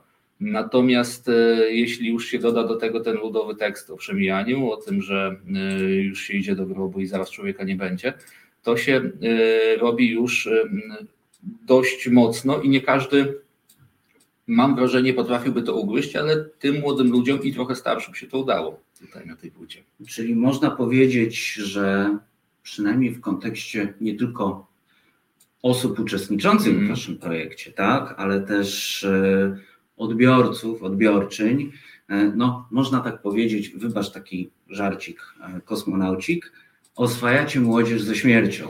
No ktoś musi. Ktoś musi. E, Myśmy No tak, już no, e, no, no, może no nie ma krojenia dyni na, na, na dziady, tylko No, jest na Halloween. No tak. Wiesz, nam towarzyszyła taka. Smakujemy płytę. Proszę uspokoić. Nam towarzyszyła taka, y, y, takie dojmujące przeświadczenie, że y, to jeszcze się działo, Szanowni Państwo, ten pomysł przed pandemią i przed ukraińską wojną, która nas zastała, że przyszło nam żyć w świecie, gdzie młodym ludziom się tłucze do głów, że będą w zasadzie wieczni i że generalnie to wszystko, jak wyglądają i co ze sobą mają, na co zarobili, co się na tak naprawdę w życiu liczy, co ze sobą zabiorą gdzieś do grobu albo, bo ja wiem, w przestworza. E, A to nic bardziej mylnego. E, Dlatego postanowiliśmy im powiedzieć, że no, trochę inne rzeczy się na tym świecie liczą. E, I tak jak to kiedyś na języku polskim nas przynajmniej uczono, nie wiem jak dzisiaj, memento mori może mieć trochę inny wymiar i może być powiedziane po polsku. I to wcale nie jest taka kościelna przestroga, że pamiętaj, że umrzesz, a w związku z tym e, pozamykaj wszystkie swoje sprawy i e, oddaj się kontem- kontemplacji w tym czy innym kościele i w tym czy innym obrządku, ale e, staraj się myśleć o tym, że tu jesteś na jakiś czas, na moment, że to wszystko lada chwila może się skończyć, albo za pomocą samego siebie, albo za pomocą jakiegoś na przykład świra, który wciśnie atomowy guzik. Więc nie ma się co nad tym specjalnie rozwodzić i myśleć o tym, o Jezu, co się stanie, jak nagle tak będzie, tylko po prostu będzie. Żyć najlepiej jak się umie, a jak przyjdzie się z życiem rozstać, to zrobić to z godnością i z klasą, a nie krzyczeć i łaknąć tego, żeby jak najdłużej się tutaj na tym padole wycierać. Wiesz, to jest e, w ogóle też odważny, myślę, w dzisiejszym czasie e, zabieg, mhm. pójść w opowiadanie o śmierci, mhm. bo jednak jesteśmy nastawieni, wiesz, tu mi się filozof włącza, ja jestem no. z wykształcenia, jak wiesz, filozofem, mhm. więc wiesz, my nie mamy w ogóle przerobionego, co dobrze wiecie i o tym mówicie, jako polskie znaki. My nie mamy przerobionego tematu śmierci. To jest temat tabu. Mm-hmm. To, to jest coś takiego, co zawsze od siebie odsuwamy. No tak. Tego po prostu nie ma. E, nie mówimy o tym, bo to jakby samo mówienie o tym nawet ma, nosi znamiona tego mistycyzmu, kiedy mówisz, weź, bo przyciągniesz tego tak, złego. Tak? Magiczne myślenie. Nie tak, mówimy o śmierci, nie mówimy o śmierci, bo jeszcze przyjdzie nie daj Boże, jak jest nieboszczyk. I, i to też chcieliśmy bardzo, żeby też na płycie wybrzmiało, ale wokół płyty też tej całej opowieści, e, że, żeby tę śmierć oswajać nie tylko transcendentnie, ale fizycznie tutaj, kiedy mamy do czynienia na przykład z ciałem, praktycznie. z nieboszczykiem, z pogrzebem, z pochówkiem, niezależnie od obrządku, e, i czy jest to świecki, czy katolicki, czy każdy inny pogrzeb, żeby e, spróbować, tak jak to drzewiej bywało i ludzie wtedy nie mieli z tym kłopotu, na przykład z takim ciałem obcować, e, pożegnać się, a nie oddać to na pastwę, jak to jest dzisiaj, firmy pogrzebowej, która e, działa trochę jak firma cateringowa albo sprzątająca, że przychodzi, zabiera i ma być wszystko sterylnie, czysto i najlepiej, żebyśmy nie mieli najmniejszego kontaktu w ogóle e, z nieboszczykiem, bo to jest siedlisko wszelkich bakterii, zarazek i pewnie zaraz nas obejmie trupi jad i wylądujemy w tej samej trumnie. Już tak trochę wiedźmińsko poleciałeś. No ale trochę tak trochę jest, y, y, co się obserwuje, a najlepiej gdyby było jeszcze y, na tyle fajnie, że ktoś by zagrał na trąbce ciszę albo skrzypek coś Vivaldiego takiego rzewnego, żeby się wszyscy popłakali i położyli plastikowe chryzantemy na grobie. I, i, mamy to załatwione. No, może jeszcze jakaś mała konsulacja w, przy kościelnej restauracji, gdzie się wszyscy posilą i rozjadą do domu i koniec. A my mówimy właśnie, że nie, że to, y, co bywało dawniej, że żegnano zmarłego najczęściej trzy dni w domu i z domu rodzinnego on wychodził e, w tę ostatnią drogę e, na cmentarz do kościoła i tak dalej, z rodziną i najbliższymi, to wcale nie jest e, dziedzictwo, którego należy się wstydzić, bo to jest takie, wiecie, ludyczne, wiejskie, zgrzebne i nam to dzisiaj nie pasuje. Właśnie rzecz w tym, że, że to dużo bardziej pasuje niż plastikowa chryzantema i żeby może jednak do tego wrócić. Ludzie, mam wrażenie, trochę się tego wszystkiego wstydzą, bo wstydzą się tej swojej wiejskości i od tego trzeba by wyjść. No jesteśmy społeczeństwem kompleksów. No niestety. Kompleksów i resentymentów. I no, gdzieś boimy się cały czas tej ludyczności no tak. właśnie, bo wiesz, no cały czas, na szczęście to odchodzi, ale cały czas my się wiesz, jest cały czas wieśniak jest obelgą, jest używany no, jako obelga. Ja sam nie lubię tego słowa. Mhm. E, nie dlatego, że mam coś przeciwko wsi, tylko właśnie tego deprecjonowania wsi, te, te, te, tego, że to jest takie obelżywe. A co tu kryć? Jednak większość naszego społeczeństwa y, w drugim albo w trzecim pokoleniu już dzisiaj miejskiego wywodzi się jednak ze wsi e, szlachty i mieszczan y, y, było tutaj bardzo mało i nie ma się co strasznie robić na kogoś innego niż się jest. I e, na szczęście to podejście się powoli zmienia, bo są, jest Instytut Dobrej Śmierci, który nas, nam przy tej płcie pomaga i tam są ludzie, którzy kultywują choćby biały śpiew właśnie, e, tradycje i obrządek związany z pożegnaniem i odchodzeniem. Są pomysły na to, żeby, bo nie wiadomo skąd się wziął taki pogląd dzisiaj w Polsce, że zmarłego to nie można w domu rodzinnym, jeśli ktoś oczywiście chce, trzymać w sensie zwłok w trumnie i odprowadzić bez pośrednictwa firmy pogrzebowej, bo tego zakazuje sanepid, co jest tylko miejską legendą, bo wcale tak nie jest. I mało o, kto to, to, to, to duża ciekawostka. Serio, do, Szanowni Państwo, do trzech dni według polskiego prawa i ono cały czas obowiązuje, może zmarły przybywać poza zakładem pogrzebowym, czy tam poza kostnicą, później go należy pogrzebać, prawo sanitarne o tym mówi, ale nigdzie nie jest powiedziane ani znowelizowane, że nie może być w domu na przykład. E, ale utarło się, że nie może, no i, no, no i po co to robić? E, są też pomysły na to, żeby pochówki były trochę inne, żeby nie chować tylko tego nieboszczyka w trumnie i składać go do cmentarza w Niemczech to jest bardzo popularne, ale u nas też już przenikają te prądy, żeby były tak zwane ekologiczne sarkofagi, na przykład, w którym się zmarłego zakopuje do ziemi w jakimś takim gaiku, ogrodzie i tak dalej, i on tam sobie po prostu gnije i tą ziemię użyźnia, a na, a na nim nie wiem, można zasadzić drzewo chociażby, albo trochę rozsypać, jeśli chce i ma taką ostatnią wolę, co w Polsce jest e, nielegalne w zasadzie, bo nie można tego zrobić. Tak, to na świecie zawsze problem. To był zawsze problem. Zresztą w ogóle mhm. dużo kontrowersji cały czas, mam wrażenie, wywołuje to, kiedy ktoś mówi spalcie mnie po śmierci.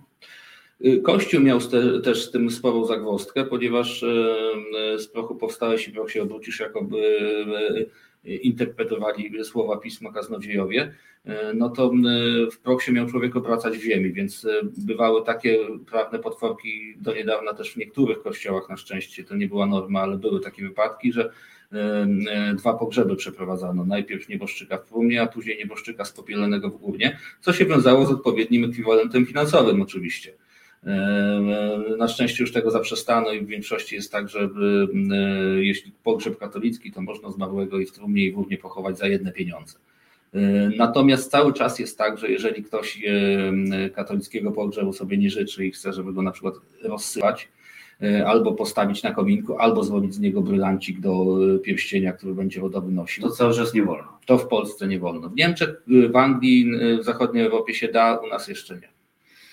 Proszę Państwa, zostawimy Was e, teraz e, z jednym z utworów z premierowej płyty polskich znaków, e, czyli Rzeczy Ostatnie. Dzisiaj, 25 marca, premiera, także zapraszam.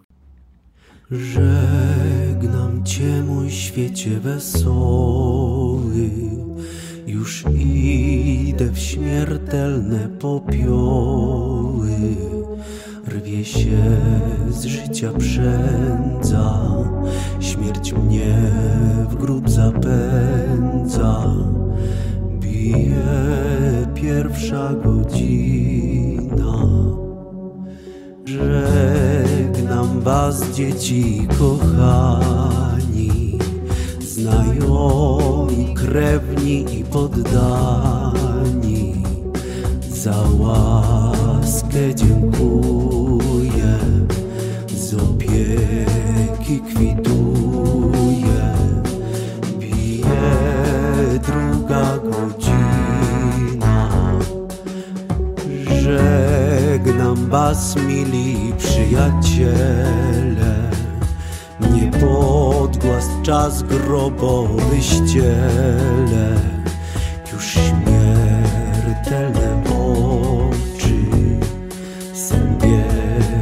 zamroczy. Bije trzecia godzina.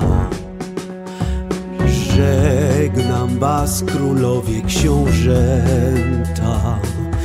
Cieszcie się w swym szczęściu panięta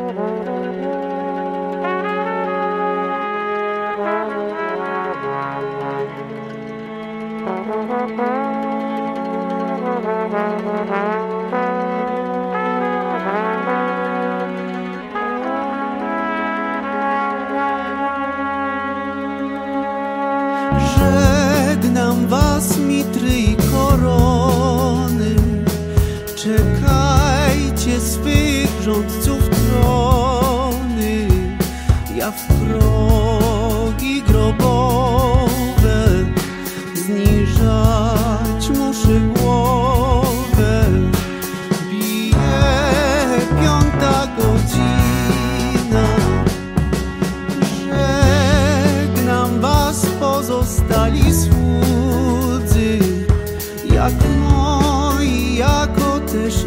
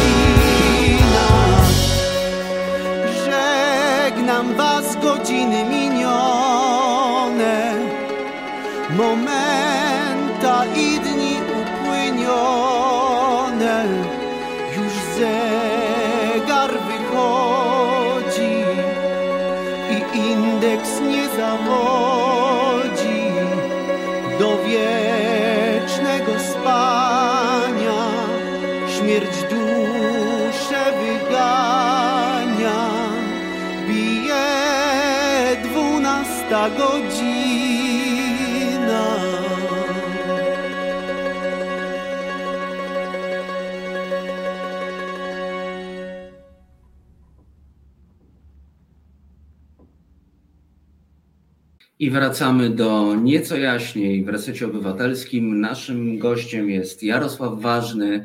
E, Dzisiaj premiera płyty Polskie Znaki. Przed chwilą słuchaliśmy jednego z utworów e, zespołu. E, I cóż, Jarku, właśnie, bo żeśmy się zagadali, no bo jesteś teraz no, encyklopedią po prostu, E, jeśli so- chodzi o śmierć. Są, są mądrzejsi, no właśnie od, od, od mądrzejszych się uczę i tak się tutaj e, pucuję, że, że dużo wiem.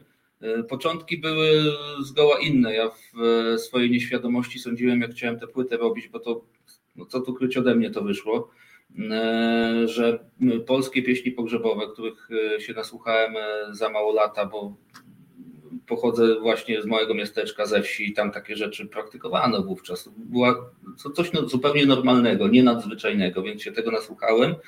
Później po latach, jak na tę wieś swoją wróciłem z dużym dystansem i jakimś, jakąś tam już wiedzą, to stwierdziłem, że pewnie polskie pieśni pogrzebowe to takie jak na przykład polskie pieśni ludowe, mazurki i oberki, że każdy region ma swoje endemiczne własne pieśni i zrobię takie pieśni na przykład z Lubelszczyzny albo z Podkarpacia. To nic bardziej mylnego. Polskie pieśni pogrzebowe to jest demokratyczny wytwór bardzo. One w zasadzie w całym kraju, tam gdzie są jeszcze kultywowane, niestety tych miejsc nie jest za wiele, czyli to głównie ściana wschodnia, Podkarpacie, Lubelszczyzna, Podlasie, no i wschodnie Mazowsze, Kurpie, czyli okolice Ostrołęki, Kadzidła, to tam się rzeczywiście jeszcze je spotyka i one są w zasadzie takie same, ponieważ y, y, y, rozplęgły się, może brzydkie słowo, ale poszły w Polskę dzięki drukowi książeczkom do nabożeństwa, bo druk był jako tako powszechny.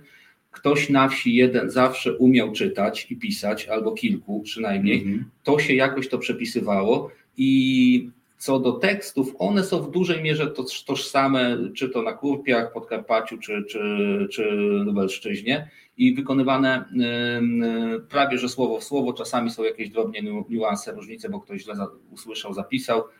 Y, jest drabina do nieba, gdzie indziej słyszałem jest ścieżyna do nieba na przykład, ale liczba sylab ta sama, chodzi o to samo. Natomiast co do muzyki to już się robi y, zupełnie inna para kaloszy, bo zapis nutowy był zapisem tajemnym, więc przekazywano melodię ustnie.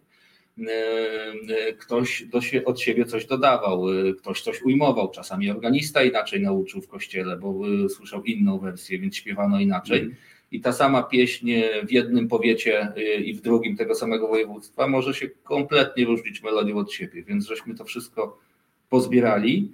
No i teksty zostały w zasadzie niezmienne, natomiast nad muzyką żeśmy się y, dość mocno pochylali i y, przerabialiśmy ją kompilacyjnie trochę, biorąc to od tego mistrza, to od tej płaczki, to z tej wsi, to z tego regionu oczywiście też e, zadanie, które sobie postawiliśmy, było takie, żeby cepeli nie zrobić, żeby nie zrobić mm. drugi raz koła od nowa i nie zrobić białego śpiewu, e, bo już ktoś to wykonał. Takie rzeczy były i są. Natomiast nam chodziło po głowie, że.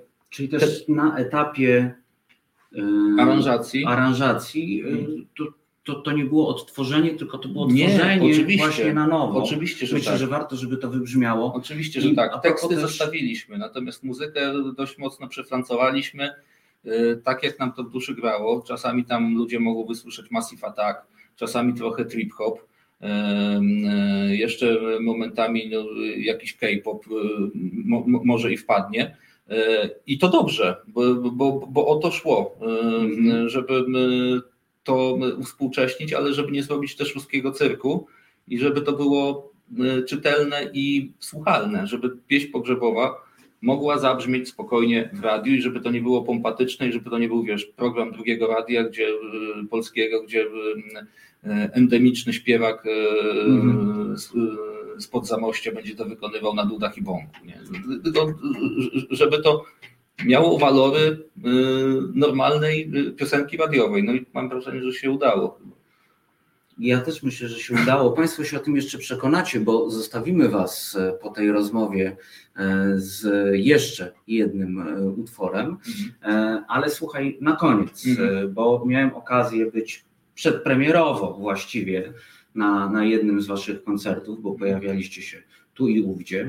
I e, właśnie a propos brzmienia, zachwyciła mnie taka, to, to nadaje swoisty klimat całej płycie również, ale na żywo mieliście, e, na płycie też macie, zawiesiste, takie zawiesiste, tłuste, pisałem ci zresztą mm. wtedy po koncercie, zawiesiste, tłuste, takie le, lepkie, lepkie, mm. to, to jest bardzo dobre określenie, takie lepkie brzmienie. Mieliście, mm. mieliście lepkie brzmienie, które można było się tak właśnie tak jak w takiej zawiesinie można się było zanurzyć i tak unosić, ale ona tak troszeczkę No ten oblepia. ciężar gatunkowy musiał taki zostać. To tak, także to, to oddaje naprawdę swoisty klimat no, e, całego przedsięwzięcia. Myśmy tam też celowo, znaczy to oczywiście na płycie posiłkowaliśmy się e, różnymi współczesnymi brzmieniami, e, syntezatorów i różnej elektroniki. Nie za dużo co prawda, ale jednak gdzieś ona tam musi zawsze być.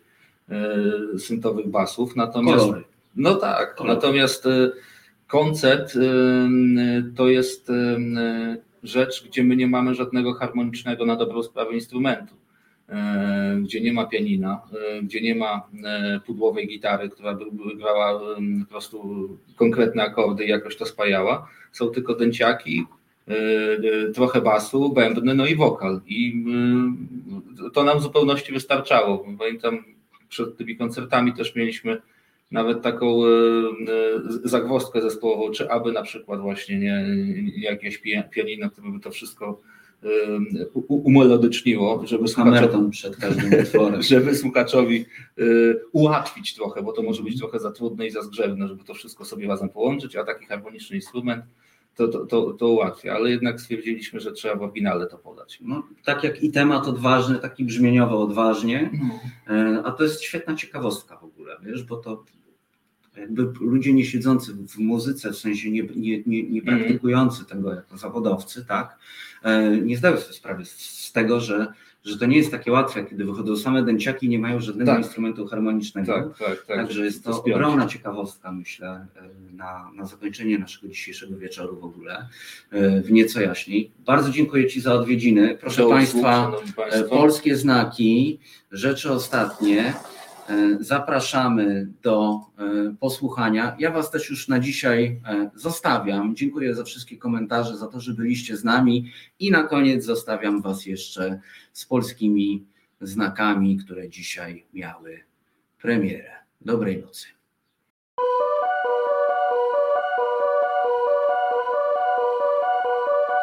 Niech monarchowie Reset